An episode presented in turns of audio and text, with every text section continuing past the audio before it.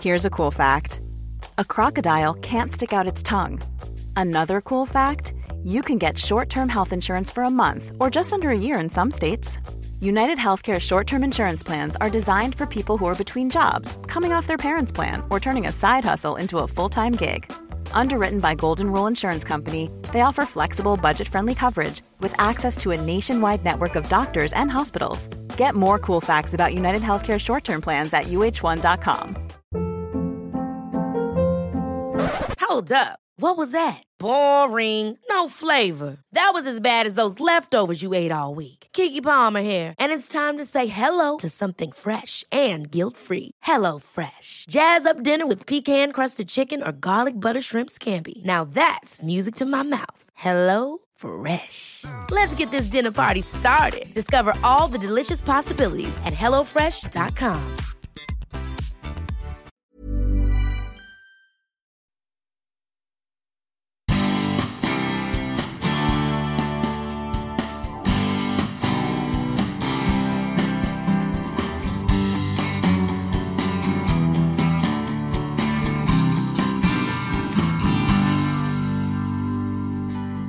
Ja, för fan. In med bomberna också. Det är klart vi ska ha bomber. För det har vi också lärt oss att verkligheten överträffar ju alltid dikten. Ibland har jag tagit eh, händelser som jag har varit med om som polis. Rakt av plankat en händelse. Sen har man ju såklart bytt ut massa grejer så det inte ska vara sökbart. Skrivit det och sen har förläggaren kommit tillbaka med så här, ja ah, men nu, nu är ni något på spåret, men det här är too much, det här är inte trovärdigt. Ja men vad fan, det är ju sant! Jag buggade deras eh, eh, mötesrum där de hade sina private banking-möten, samtliga rum. Jag satte en grej i deras kopiator som gjorde att allting de kopierade kom även till mig. Eh, jag fotade deras tavla, de hade sina känsliga grejer. Om jag är en person som gör hotbildsbedömningar och riskanalyser, jag hade med lätthet kunnat göra en familj, ett företag, en organisation eh, livrädda för att sen kränga på dem olika saker som högre skalskydd, mer livvakter, eh, dyrare program till datorerna. Vissa kallar henne för en blandning mellan Pippi Långstrump och Lisbeth Salander. Och efter att ha pratat med Lena Ljungdahl så måste jag säga att liknelsen kanske inte är helt fel. Lena jobbade 15 år inom polisen, mestadels med spaning och att utbilda spanare. Naturligtvis så blev jag nyfiken. För hur blir man en bra spanare? Vilka egenskaper krävs? Och vad går jobbet ut på egentligen? Som bonus så får du några tips du kan testa nästa gång du besöker ett varuhus.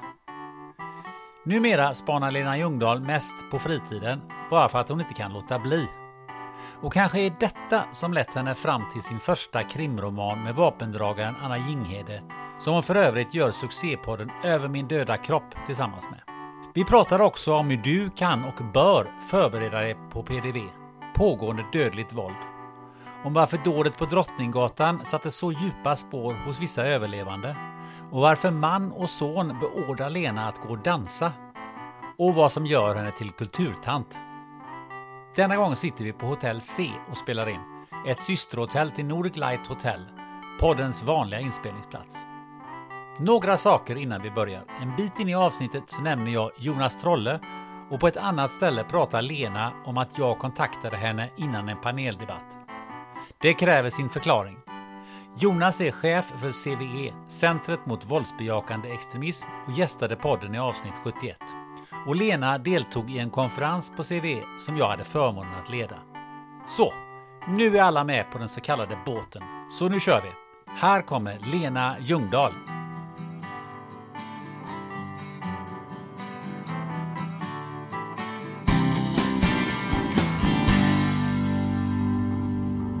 Författare kommer precis ut med boken Någon måste dö tillsammans med Anna Jinghede. Eh, du är krimpoddare med podden Över min döda kropp, också med Anna Jinghede.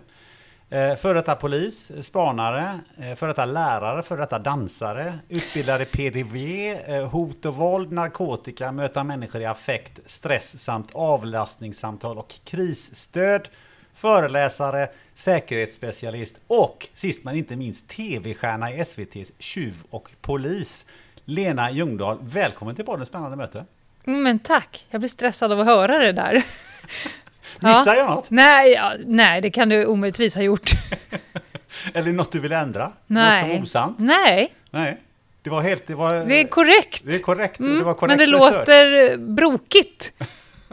Spontan. Ja, ehm, men är det inte så du är? Brokig?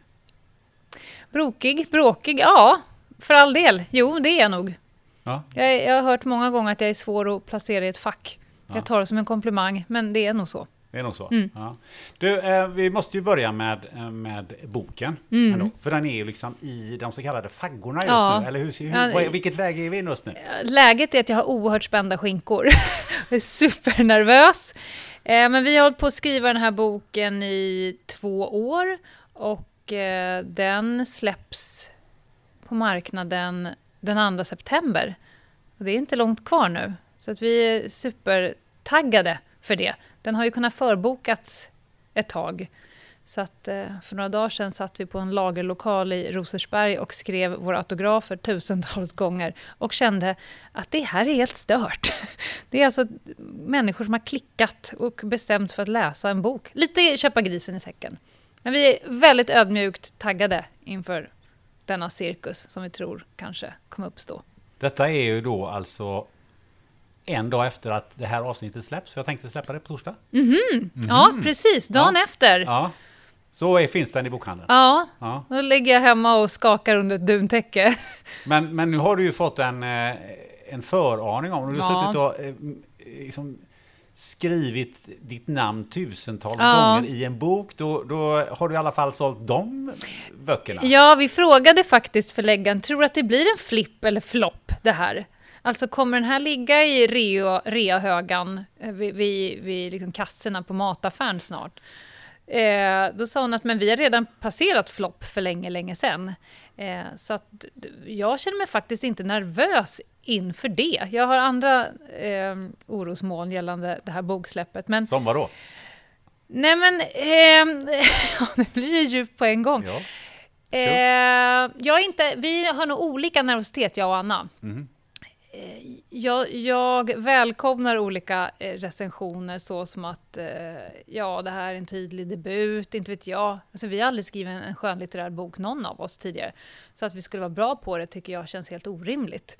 Eh, så det är jag inte alls nervös för. Jag är inte heller särskilt nervös för eh, flipp eller floppandet, hur många som kommer köpa den eller sådär. Eh, däremot så har ju vi satt oss på ganska höga hästar, jag och Anna. På sätt då? När det kommer till... Alltså, vi kan ju själva inte läsa så mycket krim. Jag kan absolut inte titta på krimserier och film och sådär, för jag tycker oftast att det är en fruktansvärt dålig research. Eh, förmodligen känner en läkare likadant och kollar på någon form av akutsjukvårdsprogram.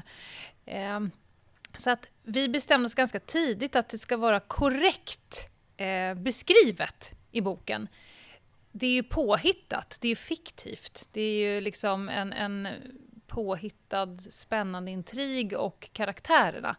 Men själva hantverket så har vi sagt till våra, framförallt våra poddlyssnare som följer oss så hjärtligt, att det ska inte gå att hitta några fel i typen av polisarbete.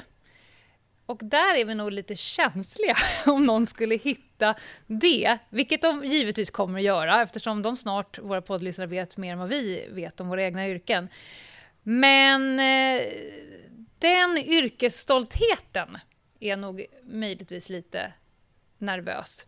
Sen har vi haft ett par duster med våra förläggare. Eh, hur mycket man kan glida på skalan. De säger att ja, men det här kapitlet är säkert korrekt, men det är fan i mig inte spännande. Ja, just det, vi skriver ju en fiktiv spänningsroman, så då har vi fått göra avkall på saker vi inte vill göra avkall på. Men eh, vi är väldigt trygga med att vi har landat i en sjukt spännande händelse med extra allt av allt, skulle jag vilja säga. Eh, Bra reklam! ja, Extra allt av allt. Ja, men alltså det, man, vi utgår ifrån vad vi själva tycker om att läsa. Eh, och, och, eh, och sen är det som att längs, vägens, längs arbetsvägens gång så har vi blivit mer och mer varma i kläderna och tagit oss större och större friheter. att titta på andra, så här, skulle vi kunna slänga in en sån här grej till? Ja, för fan, in med bomberna också. Det är klart vi ska ha bomber. För det har vi också lärt oss att verkligheten överträffar ju alltid dikten. Ibland har jag tagit eh, händelser som jag har varit med om som polis, rakt av plankat en händelse. Sen har man ju såklart bytt ut massa grejer så det inte ska vara sökbart. Skrivit det och sen har förläggaren kommit tillbaka med så ja ah, men nu, nu är ni något på spåret, men det här är too much, det här är inte trovärdigt. Ja men vad fan, det är ju sant. Ja, det är möjligt att det är sant, men det är inte trovärdigt. Så att vi har verkligen fått vandra på den här stigen. Vad är korrekt? Vad är spännande? Vad är sant? Kan det vara påhittat men ändå sanning? Och så. Spännande att ha fått lära sig den vägen. Eh, du och jag vet ju vem Jonas Trolle är, mm. som ju är eh, chef för eh, CVE, men som också skrev boken Jakten på Kapten Klänning. Ja. Och han förklarade för mig att han fick hålla på och förenkla hela tiden, för ja. att hade han beskrivit hur polisarbetet de facto gick till, Eh, Eh, så hade ingen velat läsa det, för så fruktansvärt mycket namn och så fruktansvärt komplext. Ja, eh, stor skillnad mellan våra böcker är att han beskriver någonting, eh, ett faktiskt ärende. Vi har ju hittat på alltihop. Men ja, många gånger så har man vi först försökt beskriva en händelse, en genomgång av ett kriminaltekniskt protokoll eller en brottsplatsundersökning eller ett förhör. Och som har insett, precis som Jonas då har sagt till dig, att hade vi beskrivit det exakt som det går till eh, så hade folk dels tröttnat, för det mycket, tar mycket längre tid, och mycket mer omständigt och många fler detaljer och man kan liksom ha en sån här chart som vi kallar det, ett, ett eh, papper med 7000 namn och telefonnummer, dubbla identitet och så vidare. Man hade ju tappat personen halv kapitel in. Så ja, man får förenkla verkligheten och så får man skruva där man kan. En ytterligare sak som jag kom på är, jag är ju för detta spanare. Och det har ju varit för mig den största huvudverken i boken. Alltså hur ska man kunna porträttera spaning som gör spaningen rättvisa? För det tycker jag verkligen att den är värd att göra. För att om man tänker på spaning, om jag skulle säga till dig så här, beskriv några spanare som du har sett i en mm. film. Vad skulle du svara då? Ja, men jag hade faktiskt det på läppen, men nu vet jag att jag överdriver det bara för att, bara för att, bara för att skoja till det, ja. för att ta det ifrån ehm, eh, alltså tv-serier ja. som Beck och så vidare. Som jag, Please do! Som jag sjukligt tycker om att titta på Beck. Eh, Um, för det är, väldigt, det är väldigt enkelt, det är väldigt rakt och sådär. Det är ju liksom Absolut, inga man vet vad man får. Men jag tänkte faktiskt ställa frågan här när vi ska komma ja. in på det här med spanare. Så tänkte jag säga så här att har spanare alltid hoodie, sitter i en bil, äter skräpmat och så har de en stor kamera med ett enormt teleobjektiv? alltså det här, det är en gullig nidbild. Eh, och det här är en mild kritik som jag har fått från mina före detta kollegor, där de är lite nervösa för hur mycket kommer du berätta om spaningsverksamheten i boken? Eh, och här gäller det att hålla väldigt många frågor i, i, i luften samtidigt, eller svar nästan. Svaret på din fråga är nej, det är såklart att det inte är så. Då underskattar man ju de kriminella och det grövsta och det är livsfarligt att göra. Att tro att de tror att det är så att man sitter två stycken i framsätet på en bil och käkar donuts och sen när, när spaningsobjektet kommer ut så tänder man upp sin bil och åker med dikt an. Nej men då hade ju ingen spaning lyckats i Sverige någonsin. Eh, Kommer jag avslöja några hemliga metoder i vår bok? Nej, det kommer jag givetvis inte göra. Eh, jag har mitt största hjärta i kroppen, det är såklart min moders hjärta, men efter det kommer nog banne med spaningshjärtat. Och att jag skulle skjuta ner min egen liksom, älsklingsverksamhet, det kommer inte hända. Däremot tycker jag att man kan få ut mer information om spaningsverksamheten genom att beställa ut ett förundersökningsprotokoll, en dom. Eh, jag menar, det finns metoder som har avslöjats redan hundra gånger i olika filmer och sådär, att det används teknik vid spaning och så. Eh, och, och, då kan jag ibland få så här, men det kan du inte skriva om. Men det är redan ute, eh, säger jag då. Så att jag vill göra spaningen eh, rättvisa så som att man ska förstå vilken extremt professionell verksamhet som pågår, vilka fiffiga jävlar som håller på med det Och det enda man egentligen skulle kunna plocka ut, om man vill eh, Nej, men det går inte att använda informationen till någonting. För att spanare kommer alltid i varje given situation göra någonting som alla andra gör på platsen. Som jag säger så här, när jag spanade hade jag ibland barnvagn. Det skulle man ju kunna tycka är att avslöja en arbetsmetod. Jaha, har spanare barnvagn?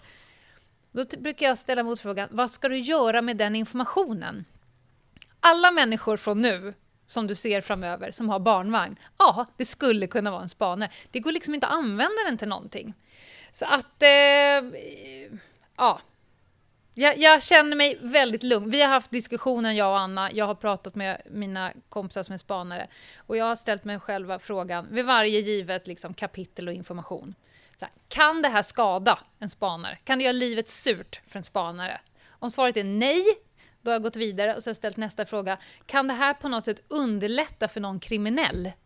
Om svaret är nej på den frågan också, så har jag ställt sista frågan. Finns den här redan informationen att tillgå om man vill ha den på något annat sätt? Om svaret då är ja, ja då skriver jag det på ett extremt spännande sätt. Så har jag tänkt. Ja, det ska bli intressant mm. att, att, läsa den ja, där. Ja, vad, vad kul. Det ska jag verkligen. Men nu när vi är inne på det här med eh, spanare och spaning och så här. Vad, vad är det där för ett jobb egentligen? Ja, alltså dels är det världens roligaste jobb. Mm. Det är ju att leka på arbetstid. Eh, om jag skulle här, finns det någonting... jag sa ju upp mig från Polismyndigheten 2015 av olika anledningar. Men jag saknar ju mitt spaningsjobb alltid. Och jag är på något sätt eh, fortfarande spanare. Jag använder mig av samma saker eller samma palett av egenskaper i mitt eh, liv hela tiden. Och jag är, ja, eh, absolut yrkesskadad. Men det är ju ett jobb som går ut på att se allt, höra allt, gärna dokumentera allt eh, i ett givet ärende utan att personen man eh, är, är intresserad av förstår att man är det där och då, vid den tidpunkten. Och det finns inget eget intresse utan spaningen är en utredningsåtgärd bland många andra som ska vara en pusselbit i en brottsutredning som förhoppningsvis ska leda till en lagakraftvunnen dom. Att ta reda på om saker stämmer eller inte stämmer. Man kan bekräfta eller dementera olika saker. Hur blir man en bra spanare? Mm. Jag som då har varit nationell instruktör då i spaning bör ju veta det svaret. Och vissa säger, kan man bli en bra spanare eller har man det från början?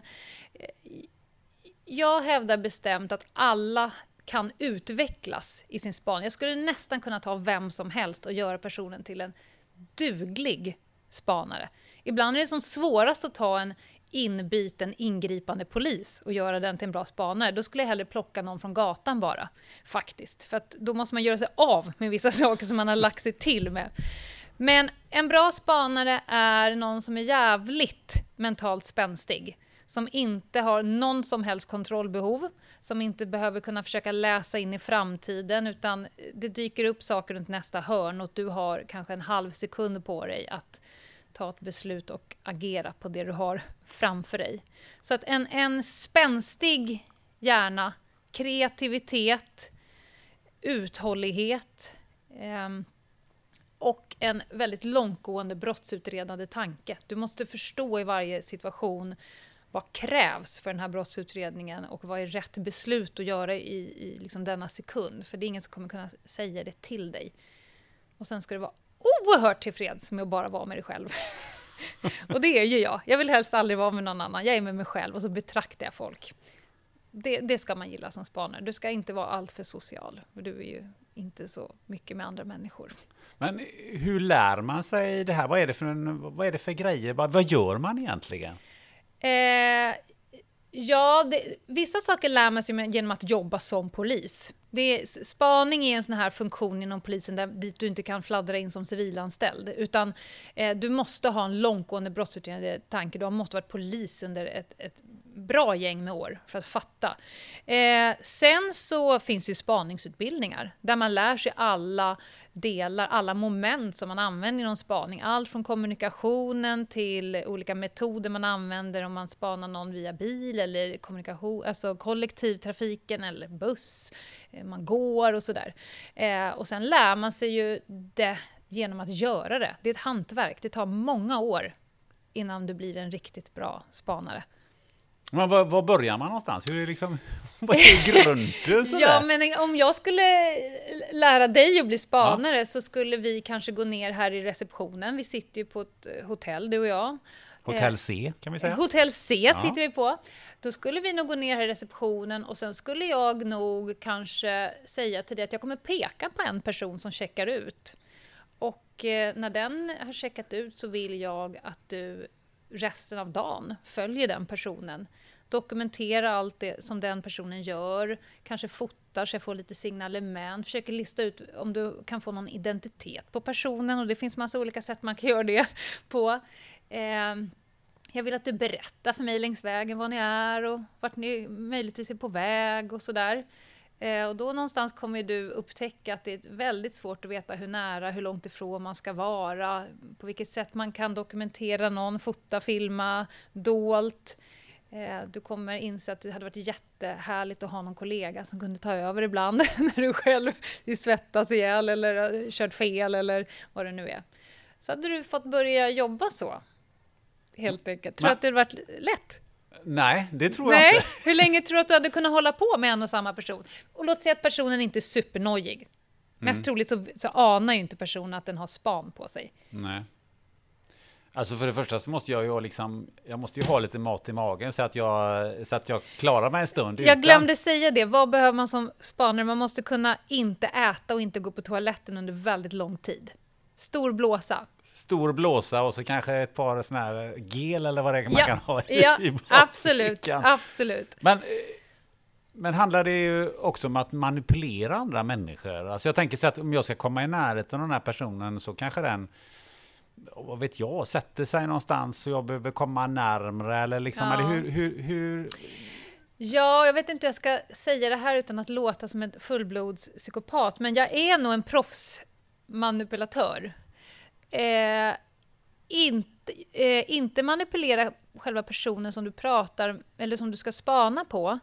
Eh, men om personen går in, låt säga på en lunchrestaurang, här hotellet bredvid, och jag säger åt dig att jag skulle vilja se vad den här personen gör där inne och om hon, säger vi, träffar någon, pratar med någon så vill jag höra det och sådär då kanske du behöver manipulera sällskapet som sitter på bordet bredvid så pass mycket så att de godkänner att du slår dig ner vid deras bord där de har en dejt. Utan att de förstår varför och utan att den du spanar på tycker att det ser udda ut. Så att, att snabbt... Så här, människor som väldigt snabbt kan köpa sig själv rätten att vara kvar på en ganska orimlig plats. Det är ju på något sätt att manipulera tid, människor och omständigheter till din fördel hela tiden. Men, men kan du inte avslöja då, vad, vad, ska jag säga till de här då, som om vi är ute på en ja, dejt här, då, nu ska jag sätta mig ja, bredvid dem. Men då kan du, jag kan inte säga så här, om du själv hade suttit på en dejt mm. och det hade kommit en person, vad hade den personen behövt säga för att du hade tyckt att det vore okej att du höll dig kvar vid deras bord lite för länge när det finns lediga bord? Visa polislägg? Ja, men det är uteslutet. Det kommer en spanare aldrig göra. Nej. Alltså om jag sitter där, vad, vad, vad, ska du sätta dig bredvid mig för? Alltså jag håller på att snacka med min eh, dejt här. Ja. Alltså det skulle jag ju aldrig godkänna. Aldrig tror jag, ja, det tror jag absolut att vi skulle godkänna.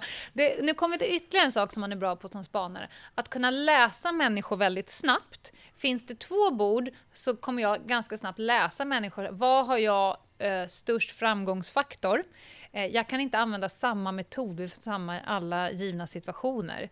Utan man kommer behöva titta på människorna, läsa situationen och där och då välja någonting som man tror. Det är inte alltid man lyckas såklart. Det kan vara så att man gör ett försök och så går det inte. Då får du ta en liten sämre plats längre in i lokalen. Men en duktig spanare lyckas ganska ofta. Om du tänker dig att du står... Eh, om du är på Åhléns city längst ner, rulltrapporna absolut längst ner vid tunnelbanan. och så ger det uppdraget att nu ska du på en timme lyckas få tio personer längst ner att åka längst upp. De ska alltså åka fem våningar upp. Du får inte säga att du är polis, du får inte säga att det är någon form av övning eller så vidare. Du ska övertala fem, kanske fem olika personer att åka längst, längst, längst upp på en timme. Då kommer du behöva jobba med lite olika metoder oavsett om det är en gammal tant med rollator eller ett eh, ungdomsgäng och sådär. Och det är att vara en duktig spanare. Vad behöver jag göra i situationen för att du ska göra som jag vill utan att du fattar att jag har manipulerat dig? Nu sitter jag nästan och hoppar här. Ja. Och så, så här men ge, ge mig ett tips på, jag, utan att du liksom avslöjar dina före detta Ja, men kamrater. återigen, det här går inte att använda till... Nu kanske någon tänker så här, du avslöjar metoder. Ja, det går inte att använda till någonting, men mer än att du kan bli duktig på att manipulera folk. Nej, men eh, jag har gjort det här till exempel med en kvinna och eh, då behövde jag henne längst upp. Och då tyckte jag att hon såg ut ungefär i samma ålder som min morsa. Hon skulle kunna vara min morsa i, i stil och sådär. Och där valde jag att trycka på lite empatiknapparna. Så jag stoppade henne. Jag såg väldigt okonfrontativ ut i både liksom hur jag, mitt kroppsspråk, nomenklaturen jag använde mig av, alltså mina ord, eh, hur jag gick fram till henne. Och sen så sa jag att så min mamma fyller eh, år här snart och jag har hittat en jättefin kappa till henne längst upp. Men jag vågar inte köpa den, det är inte, vi är inte i Stockholm, alltså öppet köp är inte ett alternativ, jag måste verkligen bli rätt. Och du är jättefin och framförallt så är du exakt lika stor som min mamma. Skulle du kunna tänka dig att följa med mig upp och prova den här kappan? Och hon, ba, hon vart själaglad. För de allra flesta människorna, vi ska komma ihåg att de allra flesta vill eh, hjälpa till. Vi, vi är sådana som människor. Inte alla. Det finns ett gäng rövhattar där ute. Men om man, om man trycker på rätt knappar så tycker folk om att vara till lags och hjälpa till. Det är därför jag gör ju ibland också såna här penetrationstest i byggnader där företag köper en tjänst av mig. Att kan du kolla hur, om du kan komma in i våra liksom, sekretesskulvertar, om du kan ta dig in i chefredaktören. Så här. Och jag lyckas ju varje gång och det är inte för att jag är så oerhört bra, eller ja det också, men folk vill hjälpa till. De visar mig vägen in i sekretessrummet om man trycker på rätt knappar.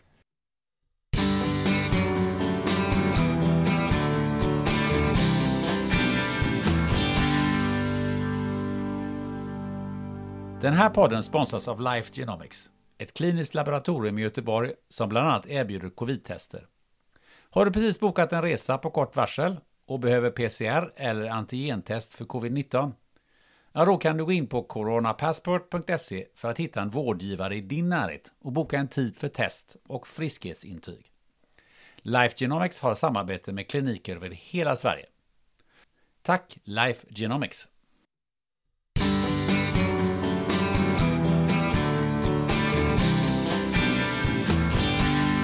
Men det är väl lite det här att eh, man har jättebra lås på dörrarna men eh, eh, det är väl alltid någon som hjälper till att hålla upp dörren Ja. där nere.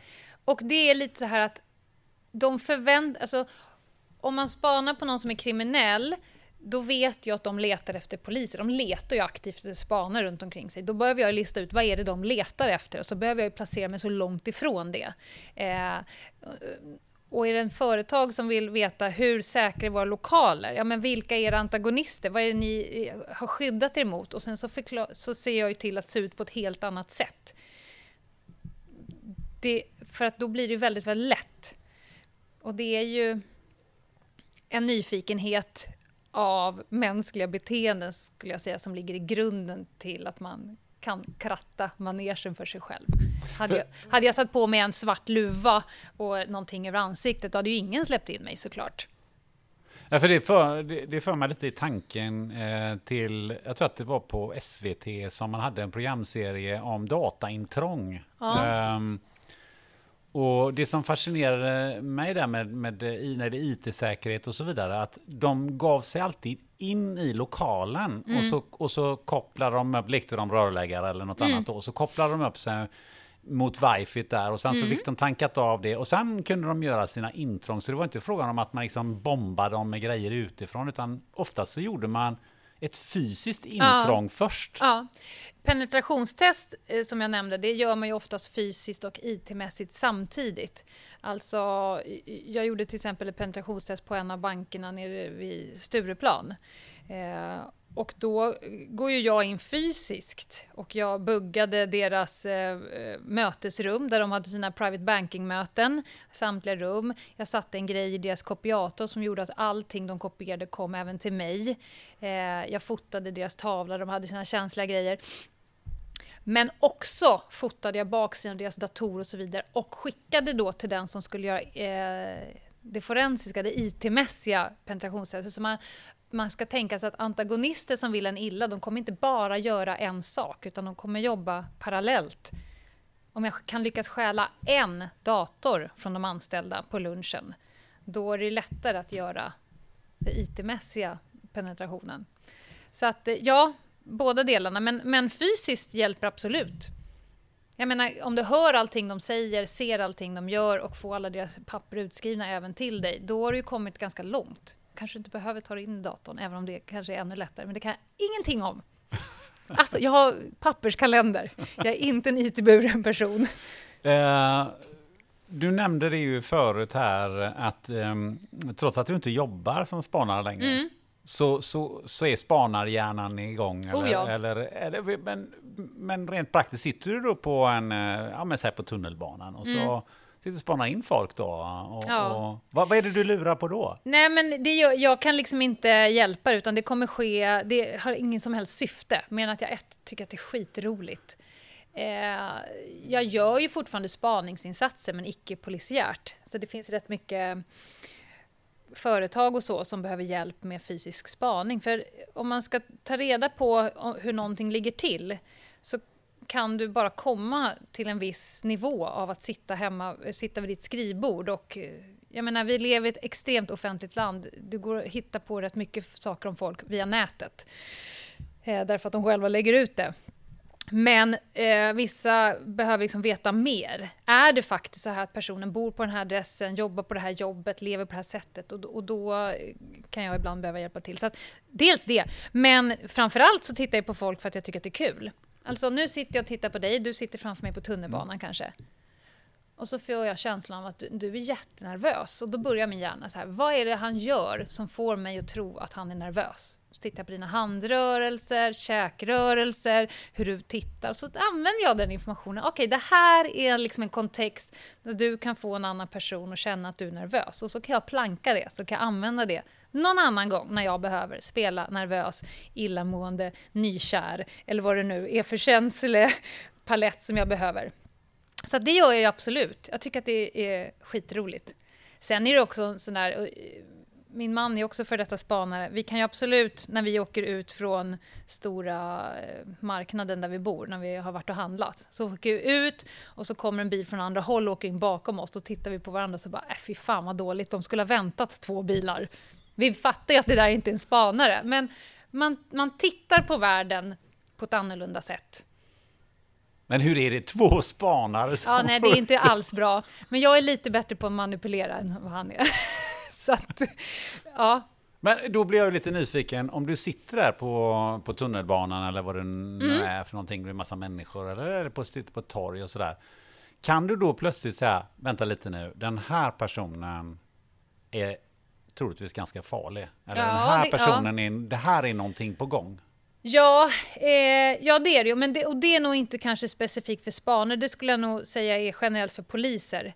Alltså att man har en, en eh, snutradar, som vi kallar det. Det går ju both ways. Det har ju även vissa kriminella. Men känslan av att nu har jag landat i någonting, det är något som pågår, till exempel kan jag se om någon är påverkad av narkotika eller att det är en överlåtelse av någonting som sådär. Att man är, vi brukar säga att man kan de eh, brottsspecifika beteendena. Jag kan ju på långt avstånd se vilken typ av brott du eventuellt håller på med eller vilken typ av drog du säljer. På grund Hur, av... hur ser du det? Ja, men vissa, vissa preparat, om vi tänker narkotika, vissa preparat eh, gör saker med kroppen så att jag kan se på långt håll ett spretande finger eller att du har din kupade hand och håller du på och gör en joint. Alltså, det varje sak man gör eh, stjälper ju över eh, tecken på kroppen. Eh, och det, varje polis, om man öppnar en dörr vid en husrannsakan kan man nästan redan på dörrmattan avgöra ungefär vilken typ av brottskategori. Man lär sig. Eh, sen ska man ju vara ödmjukt medveten om att det är rätt mycket fördomsbaserat. Så att man måste ha en, ha en öppen dörr för att det kan vara också helt fel. Men, men det... Ja, jag, jag kan nog eh, upptäcka skeenden långt innan eh, andra människor gör det. För att man har den typen av blick och intresse såklart. Man har en vakenhet, en, sår, eller en känslighet för vissa saker. Men kan du då om du sitter mitt emot två personer, två män mm. på, på, på tunnelbanan, mm. kan du säga den här personen är grovt kriminell och den här jobbar på kontor på någon sta, statlig myndighet? Jag, jag skulle med någon viss sannolikhet kunna säga det. Jag har absolut möjligtvis fel. Det är också en sak man lär sig att eh, eh allt är inte riktigt som det ser ut. Men eh, den här magkänslan som man knappt vet vad det är, det är någon form av fördomar, erfarenhet, kunskap, sannolikhetslära. Den har ju orimligt ofta rätt, faktiskt. Eh, och man är ute och går på stan, återigen till min man, och vi ser någonting så tittar vi på varandra så här 100 procent, här säljer de heroin, eller vad det nu kan tänkas vara. Eh, så att, eh, så är det ju, att man kan titta på människor på ett visst sätt. Men ja, det kan ju också vara fel. Man får vara öppen för det. Eller som Jonas Tolle sa, som jag refererat mm. till tidigare redan, sa så att men kriminella är ju dumma i huvudet. Alltså den dagen de börjar köra... Typiskt Jonas! ja, men den dagen de börjar köra Volvo och ja. köpa kläderna på ja. H&M då ja. har vi jädra med problem. Ja. Jag har spanat på ett gäng personer genom alla mina år eh, som jag kan bli förstå mig rätt nu, lite imponerad av. Där de har gjort sin läxa. Ibland så är det ju faktiskt så som Jonas säger, med helt dumma huvud. Du är totalt självmarkerande. I både ditt sätt att klä dig, ditt sätt att prata, bilen du kör, sättet du, sättet du kör på. Alltså skulle jag av någon anledning byta karriär och börja leverera stora mängder kokain till Stockholm så vet jag exakt vad jag själv hade betett mig. De är ju ibland, de kan lika gärna sätta en eh, siren på taket som skriker buse. Eh, så att ja, man blir fascinerad över det. Men återigen, det finns väldigt många människor som både ser ut, klär sig så och åker sådana bilar som inte är kriminella. Men, men ja, de är väl lite dumma i huvudet. Det är också därför att de ofta åker fast. Alltså, det är väldigt svårt att vara framförallt grovt kriminell, för det är så oerhört många detaljer. Och det, oftast så faller det ju på någon. Och då kommer de ju hittas, så att säga. Men, men om, vi, om vi vänder på det då. Ja. Om det säger så att du, du skulle ta, mot all förmodan, ta ja. a step to the dark side. Ja, exakt. Ja. Eh, vad, och, och, göra en stöt eller börja läsa knark ja. eller något, mm. något, något, sånt här. Mm. Det, polisen skulle inte ha en chans. Nej. Eh, nej, det skulle de ju garanterat ha. Det är klart att de skulle ha en chans, men det skulle nog ta längre tid att upptäcka. Därför att jag vet ju vad man tittar efter, hur man jobbar, eh, hur man ligger under den så kallade radarn och så. Absolut, det skulle vara svårare. Och framförallt när jag är kompis med Anna Jinghede, för hon kan ju sopa undan alla spåren också, som forensiker. Skicka ut lite DNA. Visst, det var ju så vi började skriva boken. Jag sa så här, fan jag kan fucka upp huvudet på folk och du kan sopa spår. Vi måste ju rimligtvis kunna ha ihjäl jättemycket människor utan att någon märker det. Eh, ja, det var lite så det började faktiskt. du, um, um, jag tänkte um, så här, ta lite annat spår någonstans har jag sett att du kallar dig själv för kulturtant. Ja. Vad, vad, vad är en kulturtant? Ja, men det, alltså en, en, kulturtant är ju en tant med orangea eller batikfärgade kläder med någon form av trätulpan i halsbandet. Som, trätulpan? Ja, men de har ju stora kulörta kulor i halsband. Och eh, de bär upp det här jävla samhället och sitter och jobbar ideellt överallt och förmodligen hjälper våra ensamkommande flyktingar med att fylla i papper och så vidare. Jag älskar, älskar kulturtanter. De får alldeles för lite kärlek. Men eh, ja, som du ser passar jag inte riktigt in nej, där. Inte idag i alla fall. Nej, nej, men absolut. Ge mig några år. Eller så har du, för, har du liksom, är du spanare? Exakt, jag vet precis vad jag ska... Nej, jag är en kulturtant så som att de allra flesta tror att bara för att man har varit polis länge och är en riktig krimnörd eh, så måste man också vara eh, liksom, intresserad av det. Alltså på min fritid så går jag på eh, opera, jag eh, dansar, jag älskar fotoutställningar. Jag är högkonsument av kultur och eh, väldigt lite konsument av det som jag tror folk lägger i paletten gammal snut. Det, det måste ju vara också ganska ovanligt, eller är det så? Eh, jag skulle säga att det inte är lika ovanligt som man tror. Alltså krimserierna, de här som du pratade om, där är alltid kommissarien en äldre man med lite övervikt och hjärtproblematik, lyssnar på opera och dricker whisky. Och är ja, lite liksom, alkoholproblem ja, har de lite alkoholproblem och lite så här uh, socialt störd. Eh, Wallander. ja, och då alla de andra. Eh, kanske inte lika vanligt som man tror, men absolut finns det ett gäng eh, äldre män med eh, social problematik och eh, för all del även alkoholproblematik inom eh, chefsleden inom polisen. Men färre och färre. Eh, ja, jag kanske sticker Jag har alltid stuckit ut. Vad jag än är så har jag en, en förmåga av att sticka ut och jag förstår inte riktigt varför. Men du gillar väl det? Eh, jag gillar att lära människor att man behöver inte vara så som andra människor har bestämt sig att man ska vara. Om du inte är 100% tillfreds med det, var då det. Men, men det här med borde, måste, eh, normer och så vidare, det ger jag inte så jävla mycket för faktiskt. För att jag tycker att det är begränsande. Det, det stoppar min fria hjärna. Har du alltid varit sån? Ja, det skulle jag säga. Får jag påminna dig om en grej som var ganska rolig? När du skulle vara moderator, eh, när vi hade CVE-konferensen, då ringde du som en väldigt professionell moderator upp alla som skulle intervjuas på scenen. Och då sa du någonting till mig som fick mig att le i mjugg.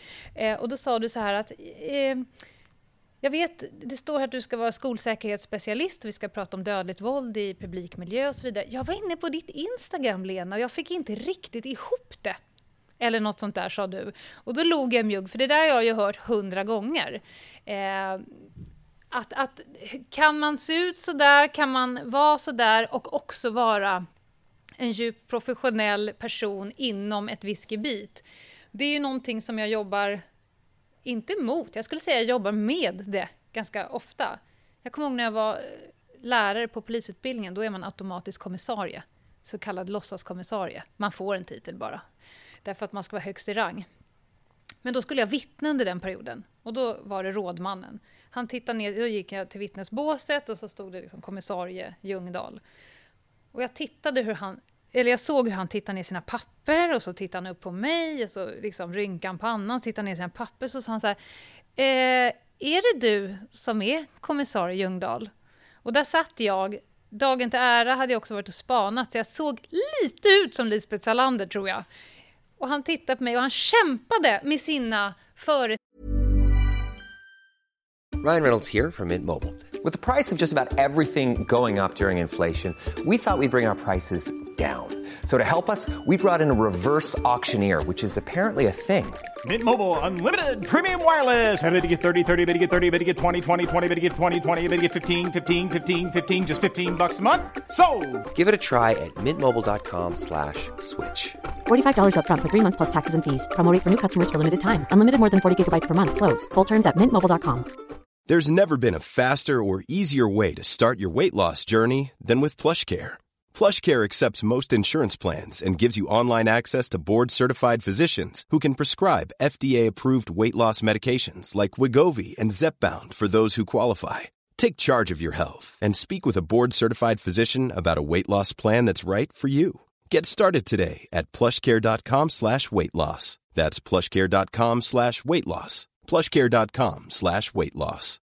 Millions of people have lost weight with personalized plans from Noom, like Evan, who can't stand salads and still lost 50 pounds. salads generally for most people are the easy button, right? For me, that wasn't an option. I never really was a salad guy. That's just not who I am. But Noom worked for me. Get your personalized plan today at Noom.com. Real Noom user compensated to provide their story. In four weeks, the typical Noom user can expect to lose one to two pounds per week. Individual results may vary. Ställningar, fördomar och sådär. Ja, jo, jo hjärtat, det stämmer, så jag. Det är helt korrekt. Ja, okej, okej. Ja, då inleder vi förhör med vittne. jag tycker ju att det där är lite kul att eh, rucka upp de här ganska strama ramarna som är satta. Det gjorde du redan som barn, hör jag någonstans. Eh, det vet jag faktiskt inte. Jag vet inte om jag uppfattade att det fanns några då. Ramar alltså. Det blir man ju varse längs vägens gång. Föräldrarna brukar ju lägga lite ramar. Ja, kanske. Eh, min morsa är ju ett jävla rivjärn alltså. Jag inser ju rätt mycket var jag har fått mina grejer ifrån.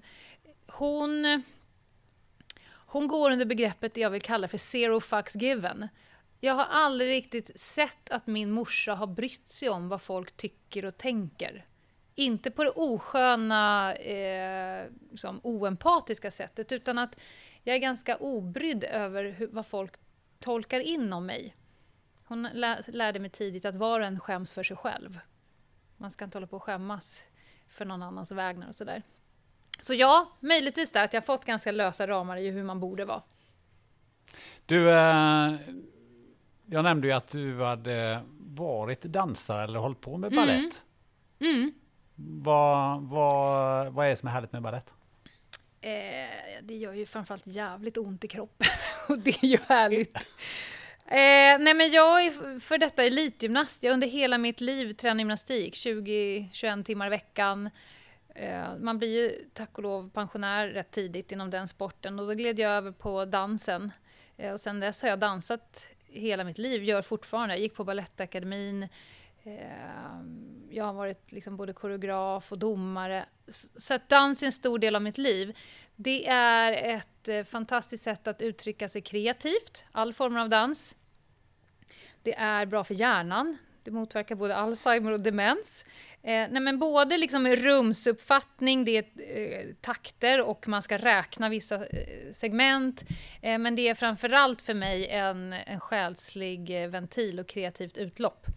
Så när jag är en riktig surkärring hemma, då säger antingen min son eller min man åt mig att nu tror jag att det är dags att gå och ta ett danspass. Det är uppfattat, säger jag. Så går jag och dansar och sen är jag glad igen. Ja, Mm. vad härligt. Men det är fruktansvärt jobbigt också.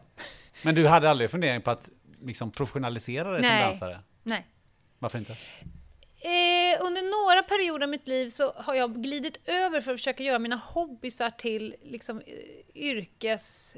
Jag har sytt ganska mycket också. Eh, men när bara jag tänker tanken att göra en hobby till ett yrke så försvinner glädjen i det. Så att jag ska inte hålla på med någon av mina hobbysar på, på, mm, som en eh, förvärvsinkomst. Men tvärtom är det lite grann. Du, som eh, Absolut, polis är det lite, absolut. Jag pratar, du är absolut, hobbypolis. ja, jag pratar absolut emot mig själv här nu eftersom jag eh, hobbyspanar konstant. Eh, till exempel så tittar jag jättemycket på en person som satt nere i foajén här nu eh, och har lagt den personen på minnet och alla detaljer har jag framför mig. Så att ja, jag inser ju det. Men eh, det verkar gå bättre åt det hållet. Mm. Eh, Om man tittar på din eh, hemsida, Mm. lenajungdahl.se. Mm, det var rimligt. Det, det tycker jag är snyggt att ha sitt, sitt eget na- efternamn som domän. Det har jag också. Så Ja. det, det är, Det är, det är lätt skitbra. att söka tänker jag. Det är lätt att söka, Mm. ja. Eh, där står det tre ord. Mhm. Tillit, balans och tydlighet. Mm. Var lägger du de orden? Alltså jag har ju varit en del av den här jättekrångliga säkerhetsbranschen i några år. Jag lämnade polisen 2015 och så hamnade jag på något sätt i en bransch som jag tycker är fruktansvärd på många olika sätt. Säkerhetsbranschen? Ja. Varför är den fruktansvärd? Nej, men alltså jag har så svårt med människor som profiterar på rädsla. Däremot så ser jag också vilka enorma bra saker som säkerhetsbranschen gör, där polisen och resten av samhället Eh, det är inte polisens uppgift att göra vissa saker. Det är en ganska reaktiv organisation. Men, men jag ser ju också allt bra de gör. Men jag har fått se insidan av en bransch som är ganska ful.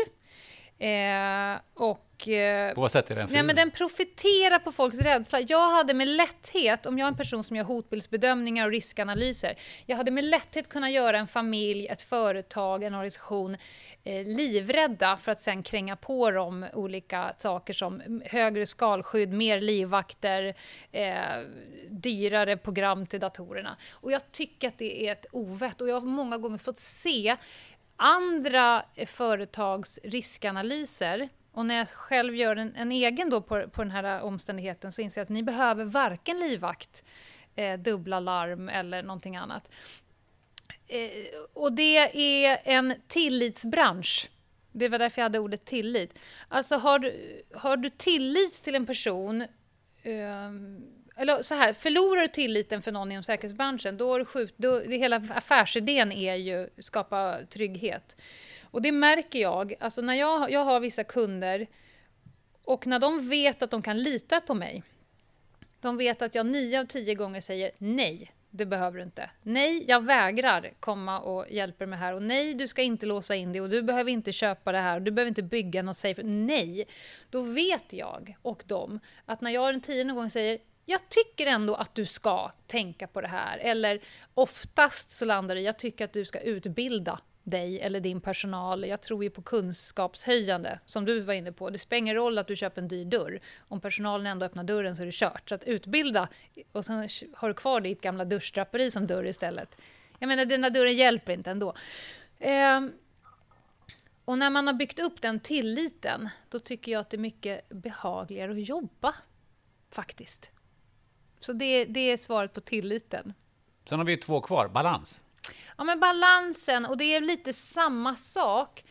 Alltså, du kan inte bara gasa, du kan inte bara bromsa. Eh, och många som ställer frågan till mig, nu har de ju lärt känna mig och de följer mig vart jag går. Och de är så här, vad kan du mer hjälpa oss med? Ja, ni behöver ingen mer hjälp, är mitt vanligaste svar.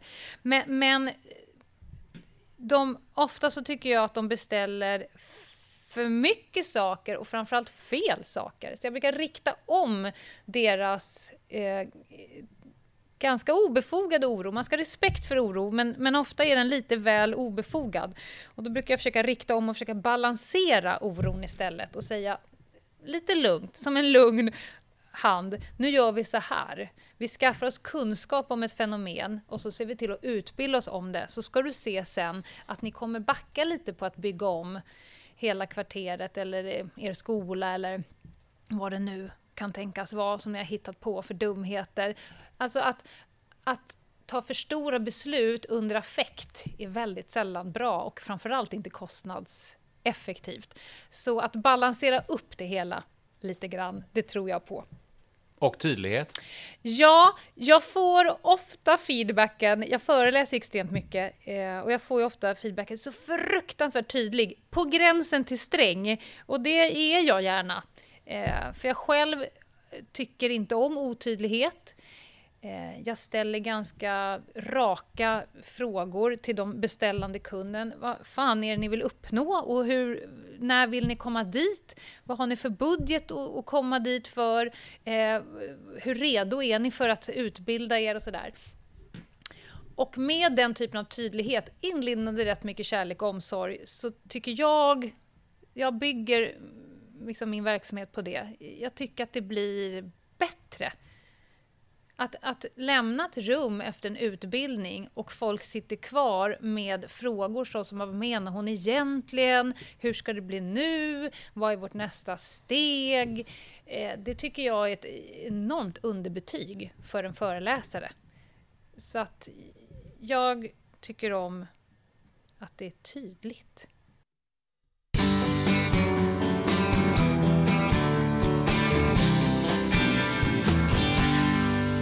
Väntar du, eller någon i din närhet barn? Ja, då kanske ni har funderat på om det finns en sannolikhet att fostret har en kromosomavvikelse. Porrens sponsor Life Genomics erbjuder Harmony NIPT, ett genetiskt fostertest med väldigt hög precision för att upptäcka de vanligaste kromosomavvikelserna. NIPT görs på ett enkelt blodprov från mamman som utförs på labbet i Göteborg. Gå in på hemsidan fostertest.se och läs mer. På fostertest.se så hittar du också din närmaste vårdgivare som erbjuder NIPT-test. Life Genomics erbjuder även andra tester som covid-19 PCR inför exempelvis din resa eller andra möten.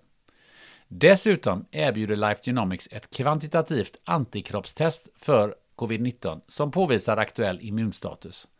Mer information hittar du på lifegenomics.se. Tack Life Genomics!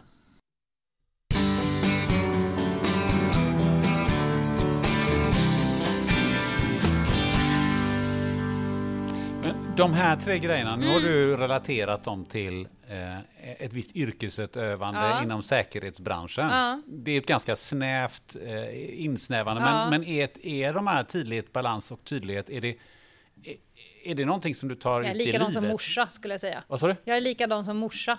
Jag tror att det är tre viktiga ord för mig. Jag har lite, lite svårt för såna här värdeord och det brukar oftast landa på någon deppig roll-up i ett hörn i ett företagsrum. Vi är kompetenta och vi, du vet så här. Men det är ingen som efterlever, det är inte implementerat utan det är upptryckt i någon deppig mässa. Eh, så. Men om man ska förtydliga, eftersom vi nu är tydliga. Eh, så det där är tre ord som jag tror definierar mig. Det är inte ord som jag har hittat på som jag försöker uppnå, utan jag tror att det är ord som på riktigt definierar mig som vän. Eh, jag är ganska tydlig, jag har en ganska bra... Folk kommer till mig när de är väldigt mycket i affekt, oavsett om det är en kund eller en vän. Ehm, och eh, att känna tillit till att de vet vad jag är, eller liksom var jag står. Tillit till att man vet hur jag kommer reagera om man erkänner något för mig, att man har gjort någonting dåligt. Jag tänker på mina barn. Alltså jag vill att det, det ska finnas en balans. Det ska finnas en ganska tydlig, tydliga ramar över vad, hur jag förväntar mig att folk beter sig och att man, vad man inte får göra. Och att jag själv är ganska tydlig med mitt sätt att vara lite förutsägbarhet i det hela.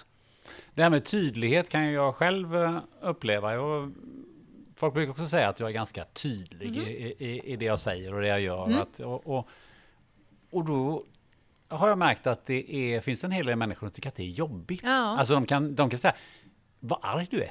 Jag är inte Mm. ett dugg arg. Jag bara säger Ja. vad det är som gäller. Det är, jag, jag bara talar om det och då, då, då, då tror folk att man är arg eller att man, man upplever det lite jobbigt. Ja.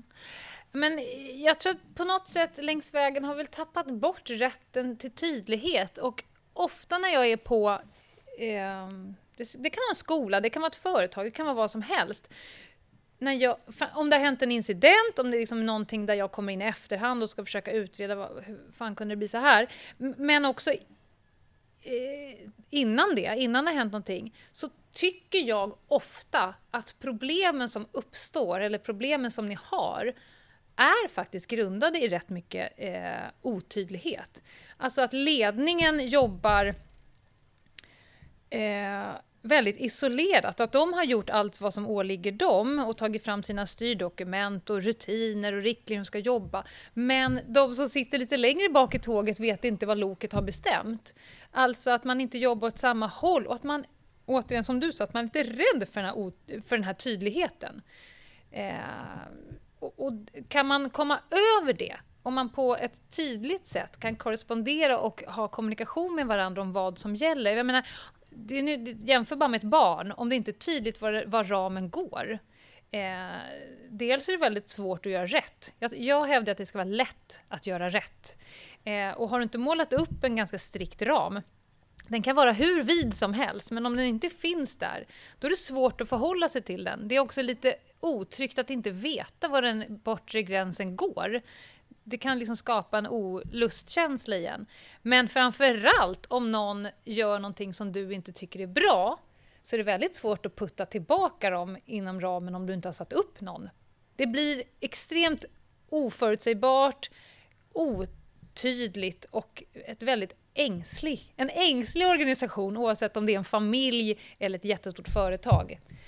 Eh, så försöker jag ge eh, lite stöd till att våga vara tydliga med vart ni är på väg, varför då, eh, vilka ska få följa med, när ska vi vara framme och hur fan ska vi bete oss på resan? Då har jag något att förhålla mig till. Men kan det ibland bottna i lite att man ska vara så himla korrekt samtidigt och det, det blir Ja. svårt att eh, man är rädd för kanske att människor ska känna sig trampade på och människor känner liksom att oj, Ja. jaha, nu måste, jag, ju- nu måste jag ju faktiskt förhålla mig till den här ramen. Ja, nej men det är många som är lite rädda för folks känslor. Jag brukar skämtsamt säga ganska tidigt i mina föreläsningar det kanske är någon som blir kränkt i det här rummet, men då får ni bli det. Ni får härbärgera den känslan, för den, jag ansvarar inte för den. Eh, men ja, det tror jag. Det är lite läskigt att vara tydlig. För samma sekund som du är tydlig måste du också visa dina färger. Du måste också, du har ju lagt upp en förväntansbild på dig själv. Det duger ju inte att du sätter upp en ram som du själv inte följer. Eh, inom skolan, jag skulle hävda att en, en av de största problemen till varför skolorna inte funkar, eftersom jag är på enormt många skolor, varje vecka besöker skolor och utbildar personalen, är ju för att eleverna har maktat ut lärar och personalstyrkan därför att eh, de jobbar som egna små påvar och öar eh, och jobbar inte åt samma håll och de är inte konsekventa. Eh, och lärare tror oftast att de måste vara någon form av konsensus med ett beslut som är taget. Och då brukar jag säga att vad är det som får dig att tro det? Det är en chef som har fattat ett beslut och ditt jobb som anställd är att håll, upprätthålla det beslutet. Vad du tycker om det, det är inte ett dugg intressant här och nu. Och då brukar cheferna komma fram och säga till mig, åh gud vad skönt att du sa det där, för att jag blir galen på att vi sätter en riktlinje och sen är det hälften som upprätthåller den och hälften skiter i det av olika anledningar. Ja, det är bra att du har fått det stödet, men jag vill också fråga dig om du har varit tillräckligt tydlig med vad du förväntar dig. Så att det, det finns en ängslan förmodligen åt två håll, varav allt uppsåt förmodligen är gott. Men det är lite skit in, skit ut, tänker jag, i ekvationen. Um, vi var inne på eh, säkerhetsbranschen mm. och, och, folks rädslor och sådär. Så jag tänkte göra ett, uh, ett hopp från den här diskussionen tillbaka till till kanske det, det polisiära och även uh, det mänskliga. Mm. Jag läste under sommaren boken om Drottninggatan. Mm. Och du jobbar ju med utbildning av så kallad PDV, som du ja. gärna förklarar vad, vad betyder det? Pågående dödligt våld. Ja, och det mm. kan man ju säga, det var ju verkligen en situation på, på Drottninggatan. Um, och när jag läste den här boken så uppstod det en del frågor i mitt huvud som jag tänkte jag skulle fråga dig mm. som erfaren i det här sammanhanget. För det första då, um, om man hamnar i en sån här situation, mm. som att varande på Drottninggatan till exempel. Um, vad, om, om det överhuvudtaget går att ge något råd, mm. Så ställer jag frågan, den kanske, inte, den kanske inte man kan ställa på det sättet, men jag gör den ändå. Alltså, vad är det viktigaste man ska tänka på? Här ser jag plötsligt, här händer någonting som är, det kommer en lastbil med hög hastighet mm. på Drottninggatan. Finns det någonting man kan säga, tänk på det här, eller är det bara... Ja, eh, jag kan börja med att säga att om den där lastbilen hade kört på Drottninggatan för 10-15 år sedan, så hävdar jag att många fler hade dött av den enkla anledningen att nu har våra hjärnor massa referenspunkter till bil i folksamling, vilket gör att många fler mycket tidigare eh, fick ner på lätten att det skulle eventuellt kunna vara någonting som är väldigt farligt och inte bara här kommer ett bud i lite för hög fart och tänka den tanken några sekunder för länge så du börjar springa lite eh, senare. Eh, Generellt kan man ju säga att om man är på en plats där din amygdala, det är ju livvakten i din hjärna. När amygdalan signalerar för fara och kickar igång det sympatiska nervsystemet som är helt autonomt, du kan inte styra det. Eh, när den gör det, då ska man, tycker jag, Eh, gå på den känslan. Det kan vara fel. Det kan vara så att du i onödan gör en rusning på 25 meter eller inte vet jag, byter tunnelbanevagn för din amygdala så att den där personen verkar vara en tickande bomb. Vi får ju väldigt sällan svaren om vi gjorde rätt. Eh, men när amygdalan skriker, vilket den garanterat gjorde på alla människor på Drottninggatan vid det här tillfället, då ska man så snabbt som möjligt försöka skapa ett avstånd till faran. Vi har ett enormt finkalibrerat kampflyktsystem som kommer hjälpa oss. Vi är byggda för att fysiskt klara oss ur fara. Det är därför vi kan börja svettas och få röda kinder och eh, få andhämtning fast vi sitter helt still vid vårt köksbord och sprätter upp räkningar. Det är liksom samma system som drar igång. Det här kan vara en livsfara, säger amygdala. Du har inga pengar den här månaden. Du har inte råd att betala både besiktning, Spring service... Spring. Ja, men det är så vi är. Vi har inget annat system. Vi ska slåss eller fly. Så att lyssna på det och att direkt skapa ett avstånd till faran, till hotet. Och det avståndet ska du skapa direkt och du ska göra det så stort som möjligt avståndet och riktning finns det ingen rätt förutom ifrån faran. Så det kan vara, du kan fly inåt eller utåt eller uppåt eller neråt men det viktiga är att du flyr ifrån faran så fort som möjligt och söker eh, skydd. Och skydd är liksom in till skogen eller bakom en låst eh, dörr. Eh, det beror lite på vad hotet är såklart. Men det är det absolut viktigaste. Sen kommer du få reda på om du gjorde rätt. Och sen, ännu senare, kommer du få reda på varför den här personen betedde sig så här. Folk för, jag tror att den största faran är att folk söker mer svar. De vill ha ett köttigare beslutsunderlag innan de börjar agera. Och du kommer aldrig förstå vad som är rätt förrän senare. Du kommer aldrig få reda på vad det är som händer, hur personen tänker, vad agendan är och så vidare. Det tar månader för polisen att få reda på varför. Ja, för det, det här för mig lite i, i tanken kring eh, en tjej som jag intervjuade som överlevde Estonia, mm. som heter Sara Hedrenius. Mm. hon pratade just om det här att hon, hon var på kaféet uppe i, i, i båten mm. när det började hända grejer och hon rusar ut och beter sig helt annorlunda än vad resten av de som är inne i kaféet gör. Och då pratade vi just om det här det påverkar rätt mycket. Om, om du börjar springa och då kan du liksom samtidigt få känslan, men herregud, vad är det jag håller på med? Mm. Ingen annan gör ju så här. Mm. Ja, man ska ha en djup respekt för att vi är flockdjur. Eh, om du står någonstans och inte har hört något eller sett något, din amygdala ligger i princip och sover, och det bara börjar kuta människor emot dig, och din, du kommer läsa av deras ansiktsuttryck, då, jag ska bli oerhört förvånad om din Homo sapiens-hjärna inte skulle börja röra åt samma håll utan att du har en aning om var de springer ifrån. Då tänker vi så här, ni vet något som inte jag vet, jag är dags att börja springa. Så att vi är ju flockdjur. Sen är det inte alltid bra att göra som alla andra gör, framförallt inte i PDV-attacker. Om man tänker att en gärningsperson försöker skada och döda så många som möjligt så kommer mest troligt den personen söka sig mot där det är som mest folk. Eh, så att det är inte alltid en god idé att bara hålla ihop med alla andra utan att faktiskt söka sin egen väg också. Men... Eh, för det här är ju lite grann att ingen annan springer, alltså kan jag ha fel, därför springer inte jag heller Nej, och sen blir jag överkörd. Det är, lätt, det är lätt att bli påverkad på det sättet och man får då eh, försöka förlita sig på sin första instinkt. Det är faktiskt inte hela världen skulle jag säga om det visar sig i efterhand att du gjorde fel. Alltså det enda som har hänt är att du har sprungit lite. Eh, sen att du kan liksom vara djupt traumatiserad av de 50 meterna och börja behöva bearbeta. Gud, tänk om det hade varit så här och så. Det är mycket bättre att bearbeta än om du faktiskt skulle ha stått kvar när du borde har sprungit. Och med det här sagt, eh, jag är inte en särskilt rädd person. Jag undviker nästan ingenting och jag är i princip, jag är inte rädd för någonting. Jag har respekt för mycket saker. Eh, men jag försöker få folk att, återigen balans. Att ha kunskap om någonting, att veta vad du ska göra om det händer. Det är inte samma sak som att gå runt och oroa sig hela tiden för att det ska hända. Faktiskt. Jag känner mig extremt lugn och trygg med tanke på att jag vet jag har kunskapen och jag vet också vad jag ska göra. Och jag litar på mig själv att jag kommer att göra det. Men du är ju tränad. Du har ja. både tränat öga och du har tränat på sådana här saker. Men kan eller ska man ens träna på att klara såna här, den här typen av grejer? Nej, men jag tycker det är givetvis. Sen så finns det ju olika sätt att göra det på. Det beror lite på vem du är. Eh, alla skolor utbildas ju här just nu. Vi har ju haft ett gäng skolattacker.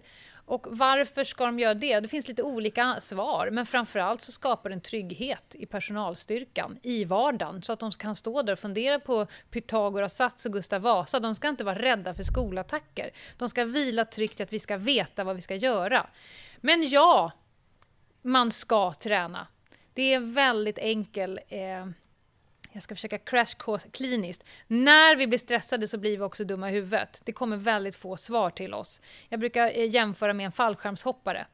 Om fallskärmshopparen faller i fritt fall i 200 km timmen mot marken och drar i sitt snöre för att en skärm ska lösas ut. Om den skärmen inte löser ut sig, då kommer det hända två saker. Antingen kommer eh, fallskärmshopparen åka i backen och dö, eller så kommer den reptilhjärnan ta över och dra igång ett kampflygsystem. Och det, är inte, det, går inte som, det går varken att springa eller slåss i luften i fritt fall, utan här krävs ett adekvat förinövat tränat beteende.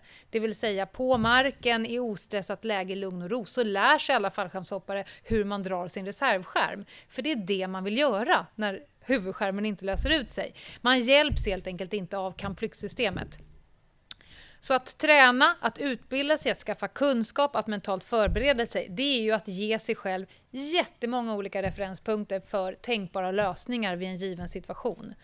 Eh, och du kan säkert komma på massa saker som du har. Alltså du har bättre mental förberedelse inför många av dina hobbysar. Där jag skulle ha stått och som snurrat som en fyr och tänkt så här, jag vet inte vad lösningen är på den här situationen. Du har varit där hundra gånger, så du gör det nästan på autopilot. Så att svaret är ja. Men hur kan, om, om jag är som så här, inom citationstecken vanlig eh, Ja. människa Mm. eh, och, och, och så ska jag ändå vara någonstans vara mentalt förberedd på Ja. att det här kan hända grejer. Ja. Och det kan ju behöver ju inte vara någon som är terrorist som Nej. kör lastbil. Det kan ju vara någon som, som kanske en... en eh, Psykbryt på bussen. Ja, psykbryt på bussen Mm. eller nå, ja, men det kan ju hända vad som- det kan hända på, på stan Ja, eller, såklart. eller något sånt här. V- vad är... Vad, vad ska man göra så Ja. här liksom grundläggande?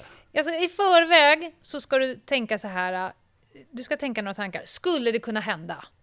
Det, det är den första tanken. Och många svarar så här, nej det är osannolikt. Ja, då kommer du nog inte göra något mer. Men om du köper tanken på att det skulle kunna hända. Och då kan du ta in vad som helst. Det skulle kunna brinna på hotellet jag eh, nu har checkat in på. Jag skulle kunna bli överfallen när jag går hem sent på kvällen full. Jag skulle kunna vara på en plats där någon kör in en eh, lastbil med akt och mening och har ihjäl folk. Och då blir nästa fråga, om du köper tanken på att det skulle kunna hända, även om det är extremt osannolikt, vad ska jag göra om det händer? Då eh, ska jag skapa avstånd till faran så fort som möjligt oavsett om jag vet vad det är som pågår. Jag ska försöka söka skydd så snabbt som möjligt. Jag ska försöka larma så fort som möjligt. Jag ska kolla skador på mig själv och andra så fort som möjligt. Eh, jag vet att jag har rätt till självförsvar om det behövs. Eh, och jag ska jobba mig ur situationen. Jag ska ta ett beslut tidigt och jobba mig ur situationen. För hjärnan kan inte skilja på övning och verklighet. Det är därför idrottspsykologi fungerar. Det är därför man kan sitta hemma och tänka på OS-finalen. Hjärnan kan inte skilja på det. Så att bara att du tänk, köper tanken och faktiskt tänker på det, eh, så har du redan där påbörjat en resa mot mental förberedelse. Och alla de tankarna, de samlas på ett ställe i hjärnan som inte är känslig för stress. Det vill säga när frontalloben dör, den, där du är smart, förnuftig, kognitiv och så, empatisk, den är ju den som ryker. Den får för lite syre när amygdalan fördelar om syret när du ska kampas och slåss. Då finns det syre på det andra stället i hjärnan där du, har för, där du förvarar kunskap som du ska kunna ta fram. Det är där fallskärmshopparen förvarar sin information. Med att då tar jag min vänsterhand och så drar jag den längs vänster axel och så hittar jag reservskärmen. Så att, ja, det tycker jag väl. Och kan man inte göra det utan att ligga sen resten av semestern och tänka åh herregud, nu börjar det brinna snart och så vidare, då behöver man ju gå till en psykolog, tänker jag. Alltså, det är många som tänker helt avigt att jag kan inte köpa en brandsläckare för då kommer det börja brinna. Det är en jättekonstig tanke. Jag kan inte tänka på terrordåd för då kommer jag hamna i ett. Det, det är inte realistiskt, skulle jag säga.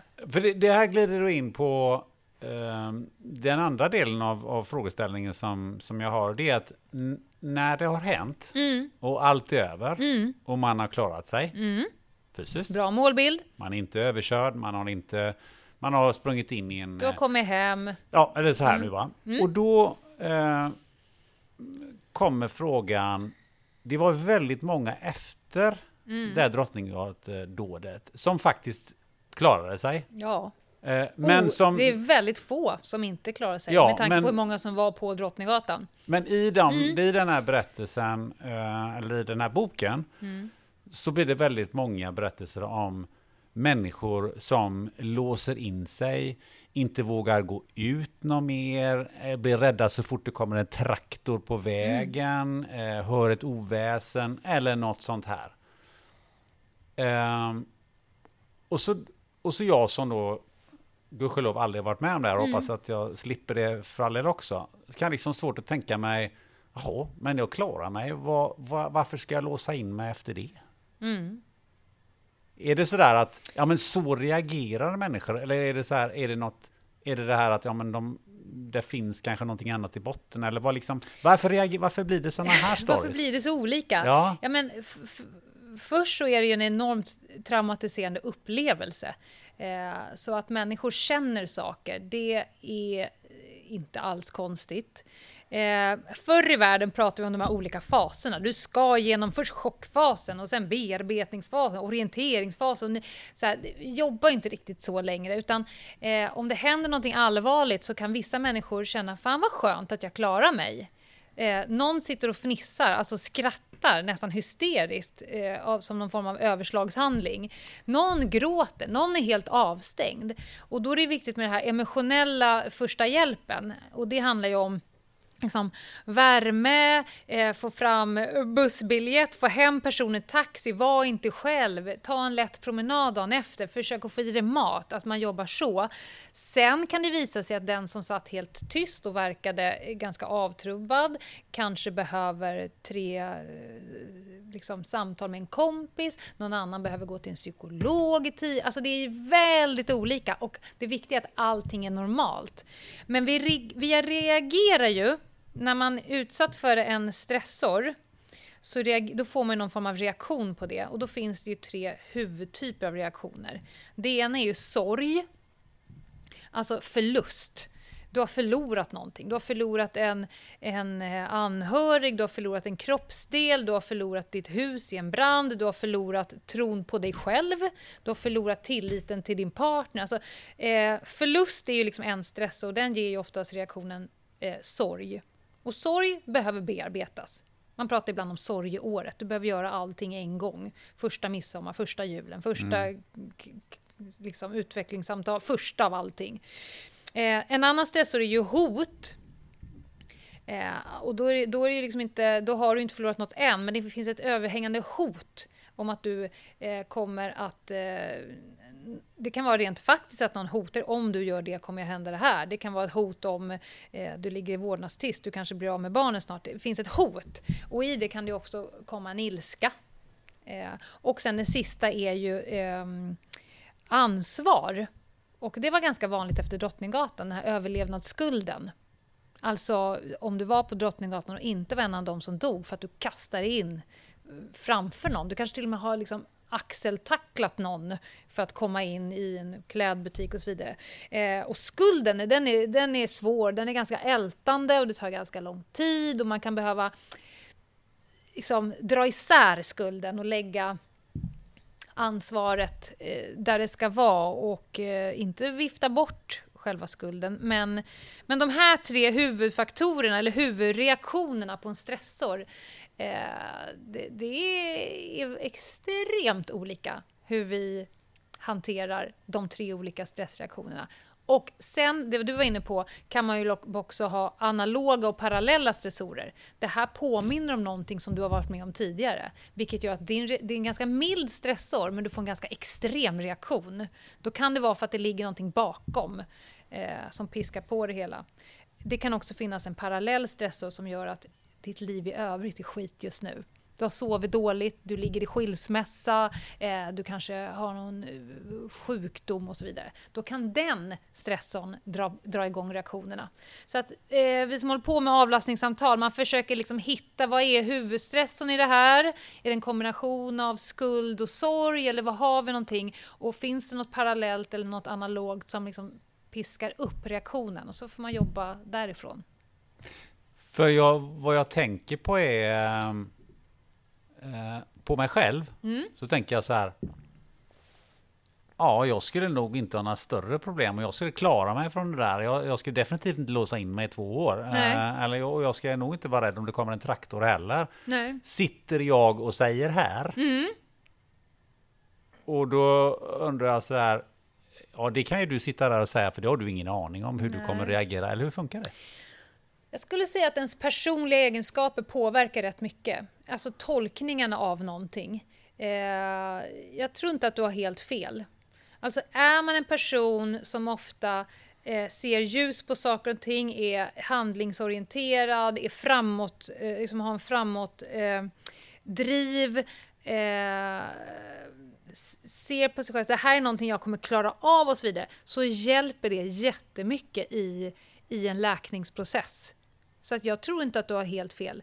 Med det sagt så kan du få reaktioner som du inte är beredd på. Du kan ju bli eh, mycket ledsnare än vad du trodde eller oj, var kom den här ilskan ifrån? Eller vara arg. Jag, jag, jag kan, för det kan jag själv säga, gud nu håller jag på att älta en grej. Jag ser inte på mig själv som någon som ältar någonting, vad onödigt.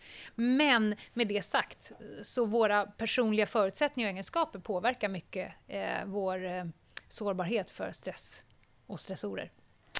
Nu börjar det bli dags att avrunda det här mm. eh, samtalet. Nu har du suttit här och, och, och, pratat i, ja det är väl snart en och en halv timme har du och jag snackat. Eh, du är eh, spanare, du har ju haft ganska lång tid på dig att spana in mig. Mm. Vad, vad är dina reflektioner? Menar du okulärt? Det, du, det, den tolkningen överlämnar jag till dig. Eh, det första jag såg var att du hade ett helt paket med batterier med dig. Och det säger rätt mycket om en människa. Du har förberett dig. Eh, du skickade två meddelanden till mig om vart vi skulle vara och sen idag, ungefär en och en halv timme innan vi skulle ses, så skickade du ett påminnelse-sms.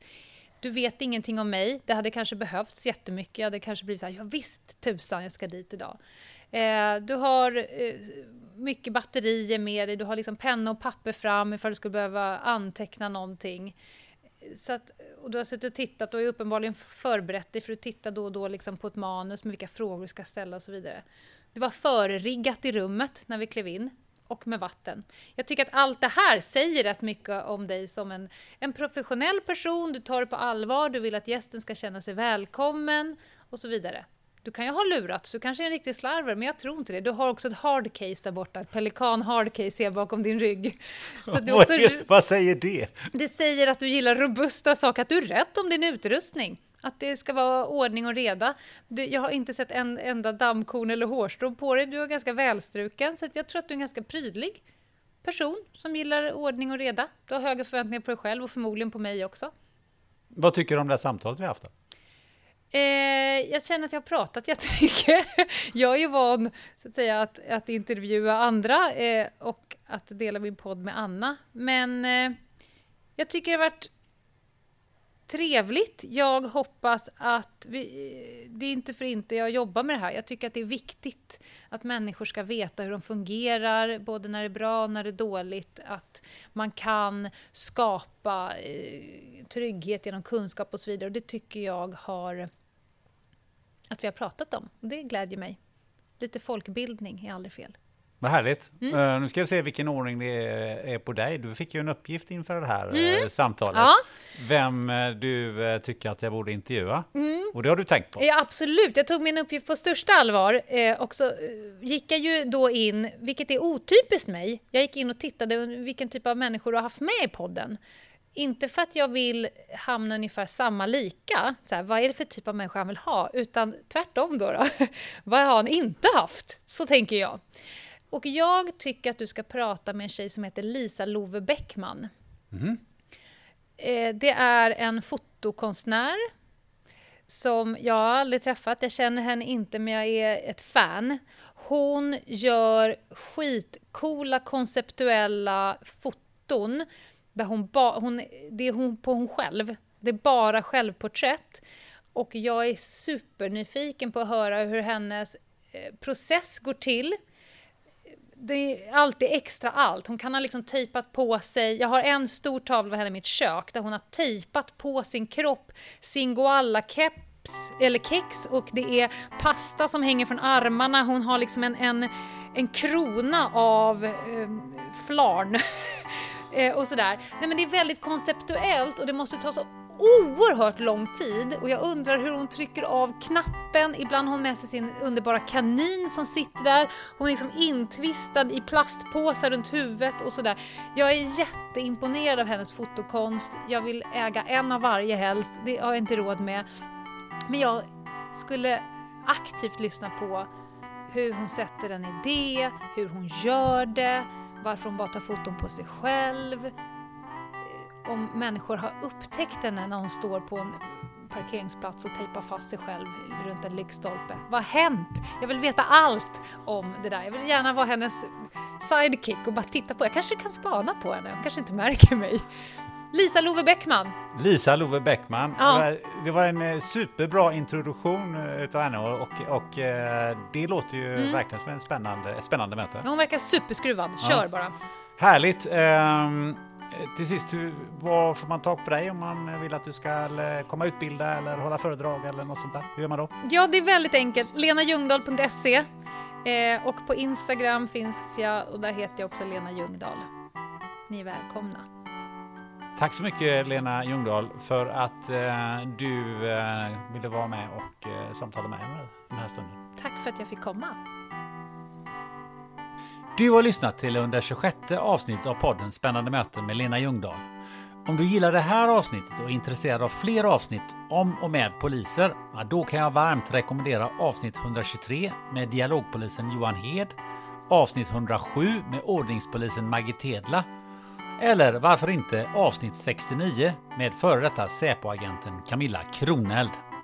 Nu kommer vi att lämna den polisiära världen ett tag. Nästa gång kommer äntligen den frispråkige AI-visionären Amir Mohammed tillbaka.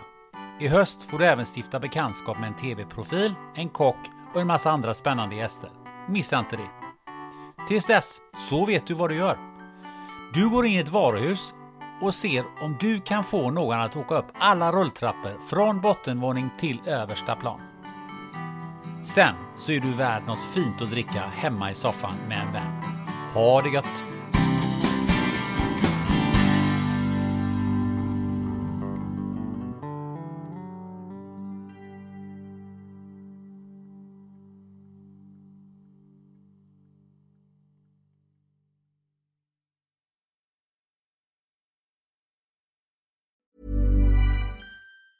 Hi, I'm Daniel, founder of Pretty Litter. Did you know cats tend to hide symptoms of sickness and pain? I learned this the hard way after losing my cat, Gingy. So I created Pretty Litter, a health monitoring litter that helps detect early signs of illness by changing colors, saving you money and potentially your cat's life. Pretty Litter is veterinarian developed, and it's the easiest way to keep tabs on your fur baby's health right at home. Go to prettylitter.com and use code ACAST for 20% off your first order and a free cat toy. Terms and conditions apply. See site for details. Even when we're on a budget, we still deserve nice things.